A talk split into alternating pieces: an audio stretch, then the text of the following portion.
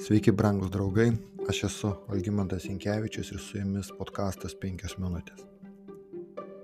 Hebrams 11 skyriui 7 eilutėje parašyta.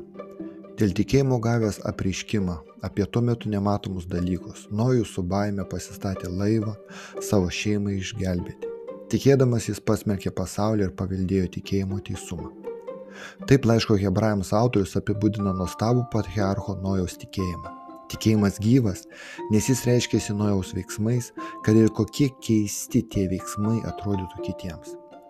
Norėdami suprasti, kokiais laikais nojus gyveno, turėtume atkreipti dėmesį keletą Biblijos tekstų. Pradžio šeštas skyrius, penkta eilutė, sako, viešpats matė, koks didelis buvo žmonių nedorumas žemėje ir kaip kiekvienas užmojai sumanytas jų širdise linko visą laiką tik į piktą. Kiekvieną dieną žmonių protas buvo užimtas puoselėjant nusikalstamus planus. Žemė nustojo būti saugi vieta, apgaulė, smurtas, žmogžudystė tapo tokia įprasta, kad žmonės pradėjo matyti tai kaip gyvenimo normą. Be to, Biblijoje sakoma, betgi Dievo akise žemė buvo pagedus ir pilna smurto. Dievas matė, kad žemė buvo pagedusi, nes visi žmonės buvo sudarkę savo kelius žemėje. Pradžio šeštas skyrius. Hebrajų kalbos žodis išverstas pagedusi taip pat reiškia sugriovimą arba sunaikinimą.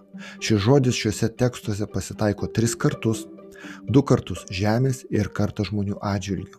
Tai reiškia, kad žemė buvo sunaikinta prieš Dievo veidą. Dievas pažvelgė į žemę, kuri prieš tai be jo paties pagal paties Dievo liudijimą buvo labai gera, pažvelgė į žemę, o dabar ji buvo sunaikinta, nes žmonės sunaikino savo kelių žemėje. Bet Nojus rado malonę Dievo akise. Pradžios 6.8. Ši malonė buvo išreikšta tuo, kad Dievas jam atskleidė savo planus dėl žūstančio pasaulio. Jis papasakojo Nojo apie artėjantį pasaulinį kataklizmą, kurie mirs viskas, kas kvepuoja Tada Dievas Nojų iškėlė rimtą užduotį. Jis turėjo pastatyti medinį laivą, kad galėtų išsigelbėti save ir savo šeimą. Ir išsaugoti minimaliai kiekvieno gyvūno populiaciją ir vėliau galėtų kartu su jais vėl apgyveninti žemę. Kaip Dievas jam įsakė, taip Nojus ir padarė. Tai užrašyta pradžio šeštame skyriuje nuo 13 iki 22 eilutės. Šis tekstas pasako apie Nojaus tikėjimą, kuris pasireiškė tiksliai įgyvendinant Dievo valią. Kai viešpas pasidalino savo prieškimų su Nojumi, jis suprato, kad nebėra laiko. Tuomet viešpats tarė, mano dvasia nepasiliks amžinai žmoguje, nes jis yra ir kūnas. Te trunka jų dienos 120 metų. Pradžios šeštas skyrius.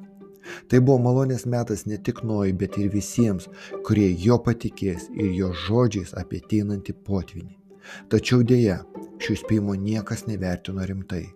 Po 120 metų Nojus pastatė laivą.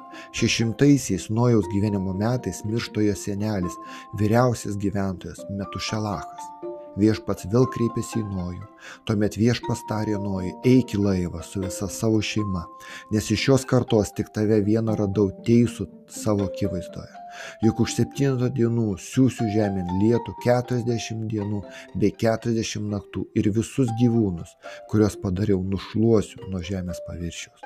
Nojus taip ir padarė, kaip Dievas buvo jam įsakęs. Pradžios septintas skyrius. Po septynių dienų potvinio vandenys apsipė žemę ir viską sunaikino. Nojus ir visi, kurie buvo su juo plaukė vandens paviršiumi. Laivas tapo jų namais kuriam laikui. Nojaus istorija mums mus moko, kad net tamsiausiais laikais Dievas suteikia galimybę visiems atsiversti ir išsigelbėti. Ne, norint atlaikyti Dievo teismo dieną kaip Nojaus dienomis, taip ir šiandieną suteikiama Dievo malonė. Laikas, kol dar galima ateiti pas Kristų. Ir jei mes atsakysime į Dievo raginimą atgailauti ir būti išgelbėtam, tada pamatysime naują dangų ir naują žemę, kur gyvena tiesa. Su jumis buvo penkios minutės ir Algymantas Jankievičius. Programa paruošta bendradarbiaujant su Aleksandru Glamusdinovu.